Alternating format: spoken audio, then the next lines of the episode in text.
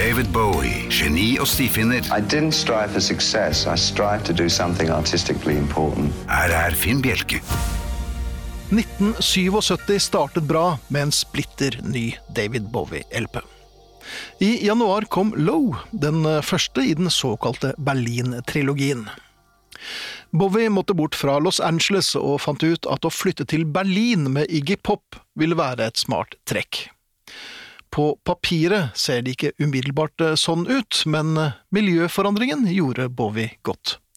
Brian Eno viste seg å være en ny og fremragende samarbeidspartner, og deler av Low skal Eno ha mye av æren for.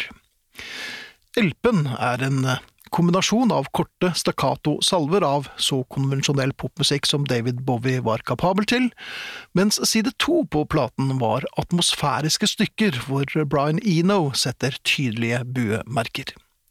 I eftertid har Love vokst til å nesten være på pallen i David Bowies rikholdige katalog, mye på grunn av sine lydmalerier og innovative produksjon. Den første singelen som ble sluppet fra LP-en var Sound and Vision. Jeg husker jeg hørte den for første gang på klassetur i London. Introen varer i 45 sekunder før et forløsende aha forfører øregangene, og jeg kan fremdeles huske den euforiske gleden da jeg kjente igjen stemmen til David Bowie og skjønte at han nok en gang hadde laget helt ny musikk.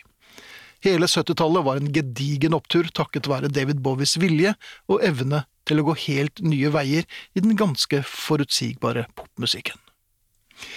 Sound and Vision er nok en sang om en eremitt som lengter efter sitt eget selskap, og altså Sound and Vision. Og som han synger Drifting into my solitude.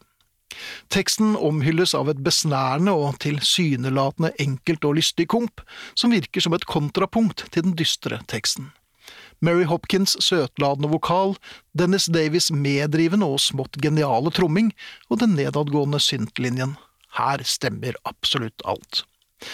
Sound and Vision var den til da høyst plasserte singel for David Bowie, og for en sjelden gang var kunsten og de store massene synkrone.